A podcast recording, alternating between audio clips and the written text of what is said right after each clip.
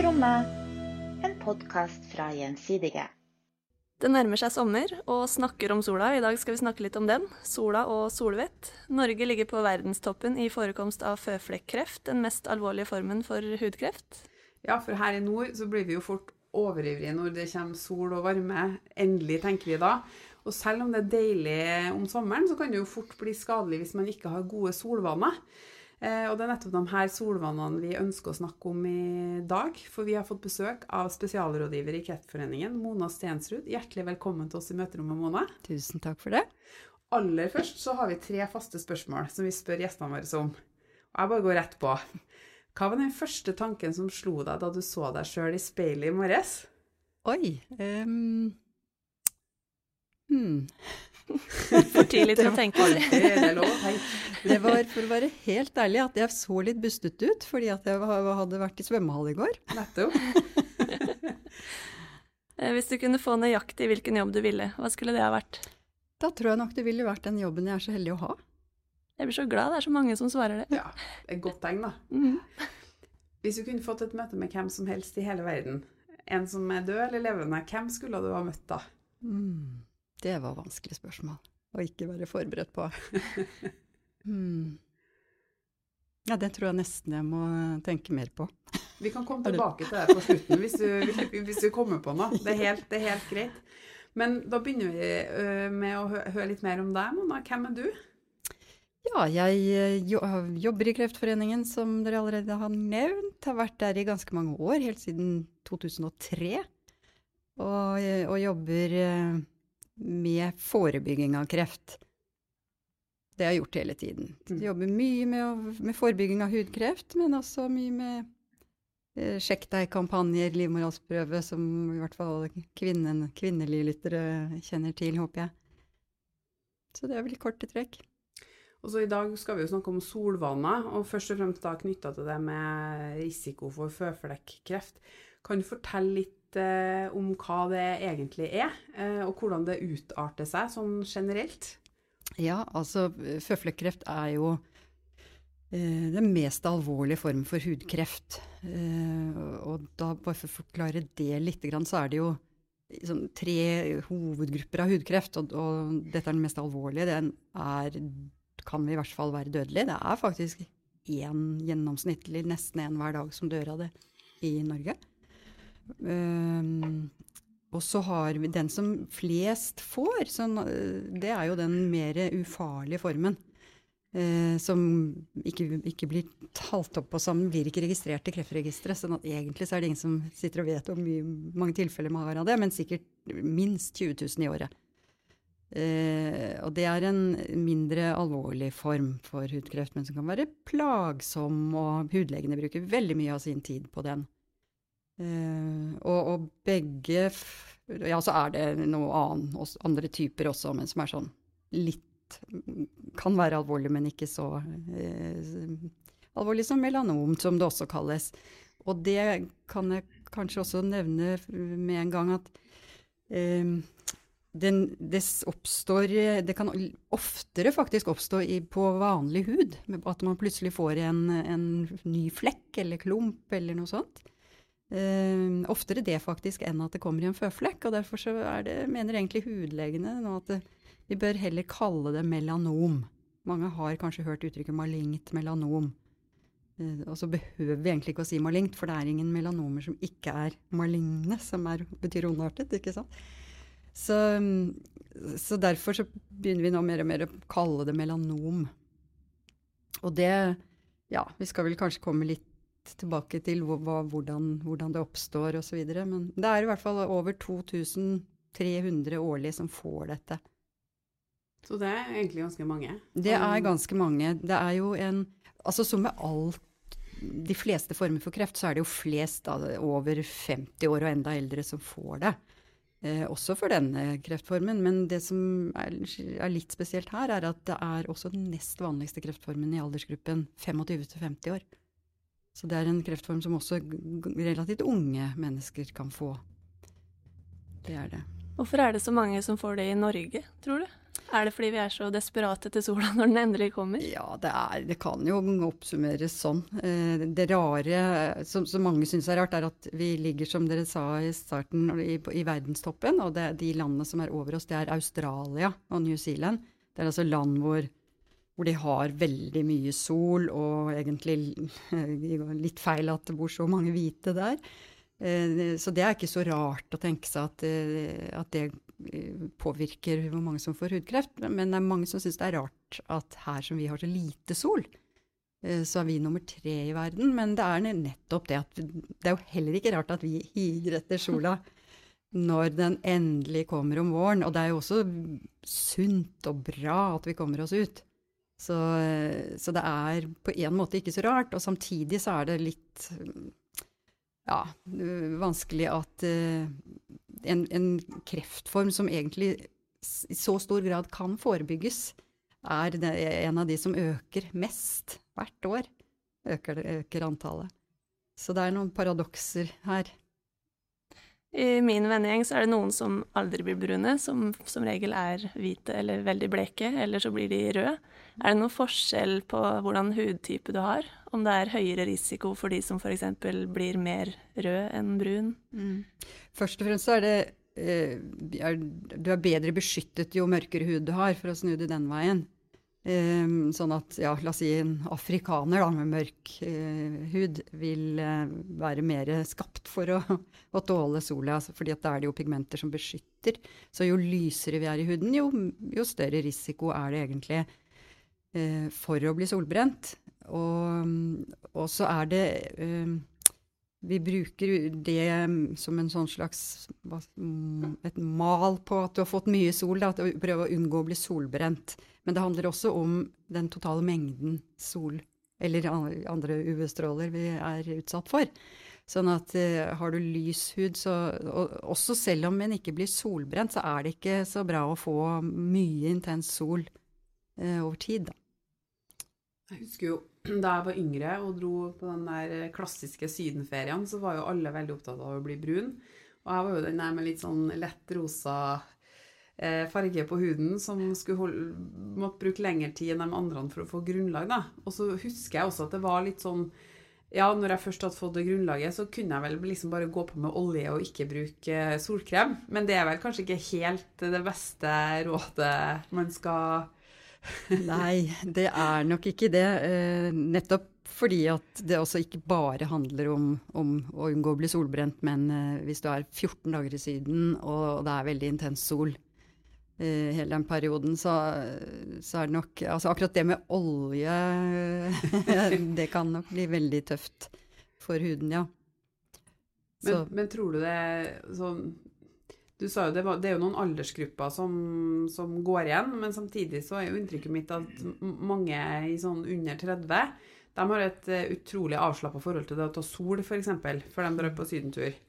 Eh, og det er jo åpenbart heller ikke så lurt, men kan det noen ganger være greit å ha et grunnlag før man går ut i sola? Det som er med, med hvis, hvis, det grunnlaget er det man får i, i, et solarium, så er det ikke lurt. Fordi at eh, det er jo sånn Du kan tenke deg at den brunfargen, hvis du kjenner noen som, ja, som tar mye solarium, så er det gjerne en litt annen brunfarge de har enn hvis de har solt seg ute. Og det er fordi det er Altså det er de samme typene stråler i utesol og i et solarium, men, men, det er en annen sammensetning. Så det er mye mer av det som heter UVA-stråler i solarium da, enn UVB. Og da, det er også en litt mer sånn, som du kan tenke på, mer overfladisk farge. Da. Den kommer raskt, og den er mer overfladisk. Den gir heller ikke den samme beskyttelsen som etter en lang sommer, f.eks. hvis du har vært mye ute i sola. Så vi, da vil du jo merke at du er litt mer beskyttet.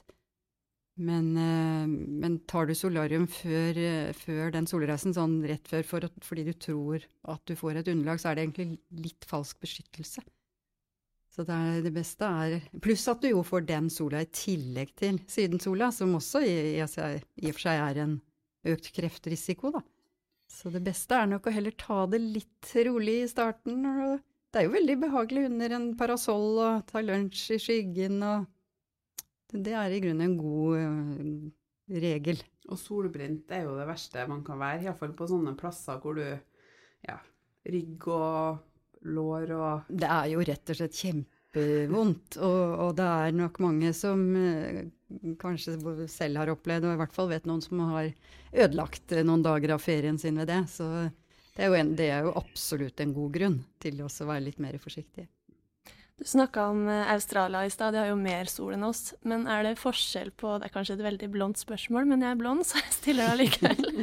er det forskjell i verden på hvor farlig sola er, eller er den like farlig uansett? Er, det, er strålene sterkere i Sør-Amerika f.eks.?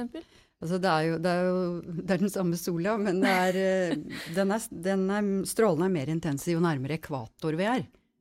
Eh, så sånn sett så er, jo, er den jo mye sterkere i ja, la oss si i Spania enn i Oslo, og enn i, Os i, Oslo enn i Tromsø. Eh, og det handler egentlig mye om at eh, det er kortere vei. Du kan tenke deg også Hvis vi tar en sommerdag i, i Norge, da, og så er sola sterkest midt på dagen, og er, når den er høyt på himmelen, så det er rett kortere vei ned til oss. Når den er lav på himmelen, altså sånn som på ettermiddagen, så er det rett og slett lengre vei for å nå fram til oss. Da blir strålene mindre intense. Og da er det ikke så veldig blondt spørsmål å spørre om det. Den, så, så det er, den er atskillig. Vi, vi, må jo passe oss veldig når vi plutselig reiser til ja, særlig land rundt ekvator, da. Men også i det hele tatt land nærmere ekvatoren. Da, da vil strålene være litt annerledes enn vi er vant til her. Nå har du jo nevnt en del gode råd allerede, som å oppsøke skygge og bruke solkrem, men har du noen sånn solvettregler? I likhet med fjellvettreglene? Ja, faktisk. fordi at for ganske mange år siden så, så, tok eh, Kreftforeningen initiativ til å lage noe som den gang het faktisk solvettreglene. I dag kaller vi det fire solråd. Um, og det er eh, det faktisk det viktigste rådet, og første det er jo å begrense tiden vi er i de sterkeste strålene. Altså det er ikke snakk om å ikke være i sol, fordi det er viktig at vi, at vi kommer oss ut også. og Vi trenger noe sol, men det er den beste måten å rett og slett begrense tiden i solen. Og så er jo det neste, rekkefølgen er ikke tilfeldig, det er jo at vi kan beskytte oss med, med klær og ja, noe på hodet. Det er ikke, ikke minst viktig for kanskje menn som har lite hår osv. Uh, og så kommer solkrem, uh, som, uh, fleste, som er det første de fleste tenker på når vi spør hvilke måter kan man beskytte seg på, så er det solkrem. Det, det sier alle at de bruker, og det vet alle om. Og det fjerde rådet det er jo rett og slett å stå over solarium. For det er en, en kjent kreftrisiko som man helt enkelt kan unngå. Og de, de fleste ønsker jo egentlig å unngå kjente kreftrisiki, uh, heter det det? men det med at det, Nå vet jeg hvor mange som tar solarium, men jeg, men jeg har jo inntrykk av at de her solariumskjedene de, de, har jo stadig sånn nye lysrør, står det liksom på sida av veien. Jeg bor i en liten by, så det er veldig tydelig hvor det er solarium da, tilgjengelig. Men, men, er folk mindre redd for den type kreft enn andre type kreftformer? Eller har dere noe inntrykk av det? Eh, gjennom arbeidet dere gjør i Kreftforeninga, da, at det er litt sånn Æsj, det, det skjer jo ikke meg, for jeg har jo brun hud. Eller at, at, det er litt sånn man tar litt lett på det. For det er jo i lys av at det er veldig mange som får det mm. årlig. Det er nok litt sånn som du sier, at altså, om, om, det er en kreftform man er mindre redd for Jeg tror man kanskje, kanskje ikke tenker eh, Altså vi velger det litt bort.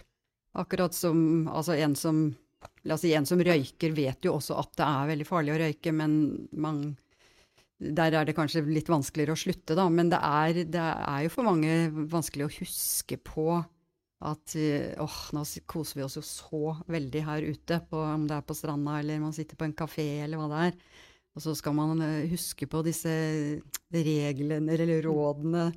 Så det er, det er, i hvert fall ikke mangel på kunnskap. For det vi spør, vi gjør sånne solvaneundersøkelser i befolkningen, så vi har ganske god oversikt over vanene vi har her i Norge, og, og de aller fleste vet hva som skal til. De, de vet også eh, eller for Vi spør um, hva tror du ville minske risikoen for å få hudkreft, og da kommer absolutt på topp uh, der også solkrem. Men, men, det å beskytte seg med klær og pauser i skyggen og sånn kommer også høyt opp. Men når det kommer til stykket, så svarer vi ikke at det, det er noe jeg gjør for å beskytte meg. Så der, er det, der har vi litt å lære av egentlig mer solvante folk lengre sør, altså. At selv om det er eh, litt lite sol her, så er det lurt å ta det, ta det litt med ro. Det er jo kanskje et paradoks eh, de gangene jeg har vært eh, rundt Middelhavet, og så ser du på en måte dem, de som bor der. Mm. De er jo kjempelys. Ja. Og så ligger alle de europeerne som har kommet på ferie og bare ja, steike. Mm. Så det er kanskje noe man kan tenke litt mer på, da. Ja, ikke sant. Og hvis du ser eh, de lokale på stranden, så går de jo i, i alle fall vekk midt på dagen. For da, da vil de ikke være midt i sola, gjerne. Nei, da steiker det. Ja. Du var jo litt innpå det med at man kan oppdage nye flekker. Altså at føflekkreften ikke nødvendigvis dukker opp i føflekker du allerede har. Men jeg tror liksom folk flest er kanskje ikke sånn bevisst på at nå, nå kommer det kanskje noe nytt, hvis ikke det er på steder de ofte sjekker seg sånn naturlig, da. Har du noen tips til hvordan man enklest mulig oppdager mm. Det er i hvert fall eh, Det er jo noen som, som te, sier at om det er jo så vanskelig, vi har jo så mange føflekker, hvordan skal jeg klare å se at det er en forandring? For det, det eh, for å si det aller først, det viktige stikkordet her, det er forandring. Hvis det er noe som plutselig ser annerledes ut. Skille, en flekk som skiller seg veldig ut fra de andre, det, det er altså Hvis man klarer å huske den ene tingen, eh, så er det det aller viktigste. Eh, men dette at eh, man, man trenger på en måte ikke å, å vite på millimeteren hvor store alle føflekker er og sånt, men kommer det en ny raring, hadde jeg sagt, eller en, en føflekk man har plutselig forandrer seg veldig, skiller seg veldig ut fra de andre, så kan det være lurt å ta en tur til legen. Og det du egentlig spurte om også med tips til å, å klare å holde rede, eller å oppdage det, da. Altså hvis, hvis man gjør det til en vane, si, når man kommer ut av dusjen, da. Helst eh, hvis man har noenlunde godt lys på badet og har et speil som ikke bare viser ansiktet.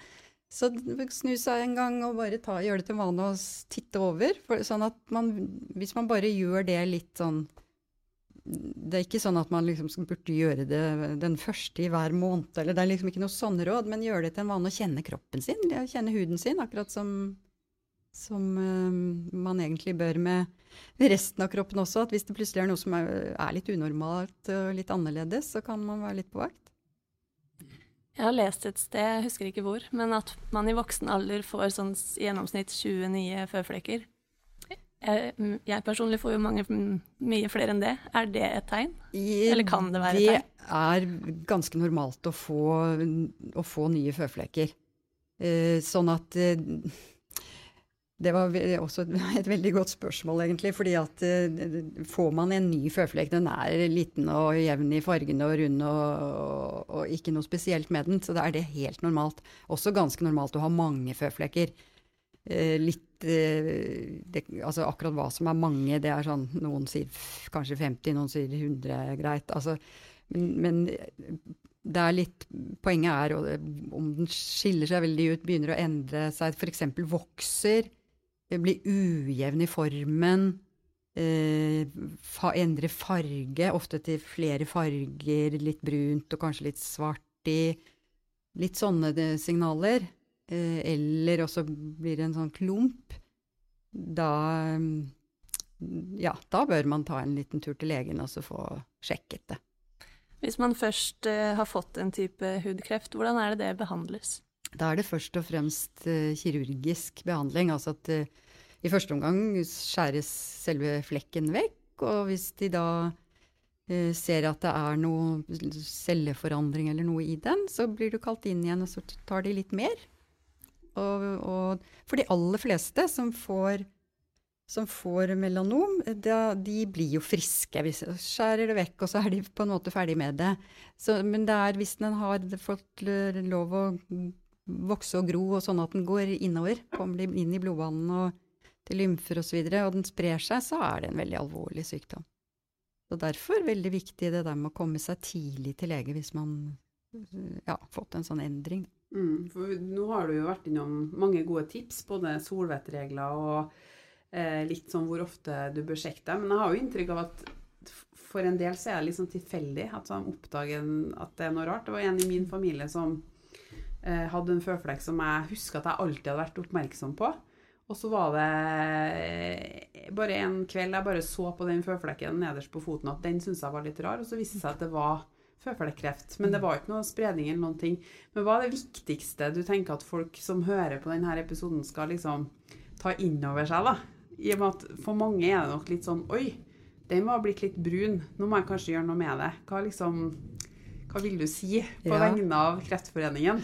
Jeg, jeg tror jeg da vil gjenta det med endring. Hvis den har, har vært altså, jevn og fin, og selv om kanskje til og med vært litt rar, men den har vært jevn og fin, og, og det er ingen endring, så altså for all del, man kan godt eh, Det er bedre å sjekke en gang for mye enn en gang for lite eh, da også, men særlig hvis det er endring.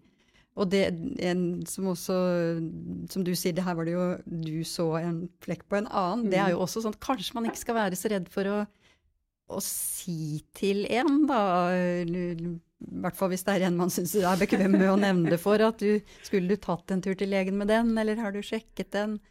Særlig, ikke minst hvis det er sånn, altså, skal jeg si, av en gammel onkel som har en bak, eh, bak på hodet som man ikke ser engang.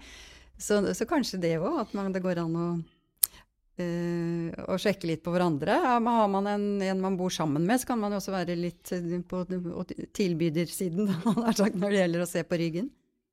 Som ikke alltid er så lett for alle. Så da er det forandring og heller en gang for mye enn en gang for lite, som er Ja. stikkordene i Solvett. Eh, Ja, det var lille kampanje, da. ikke sant? Og når det gjelder det med det som kommer før der, med de solrådene, så kan en jo også tenke altså, Om en ikke tenker at å, nå må jeg huske å beskytte meg fordi jeg kan risikere hudkreft, men altså, det, hvis man har lyst til å utsette å få rynker, f.eks., så er det jo første man burde gjøre. Være litt mindre i sola og beskytte seg godt. Og da hjelper heller ikke solarium på akkurat det. Nettopp.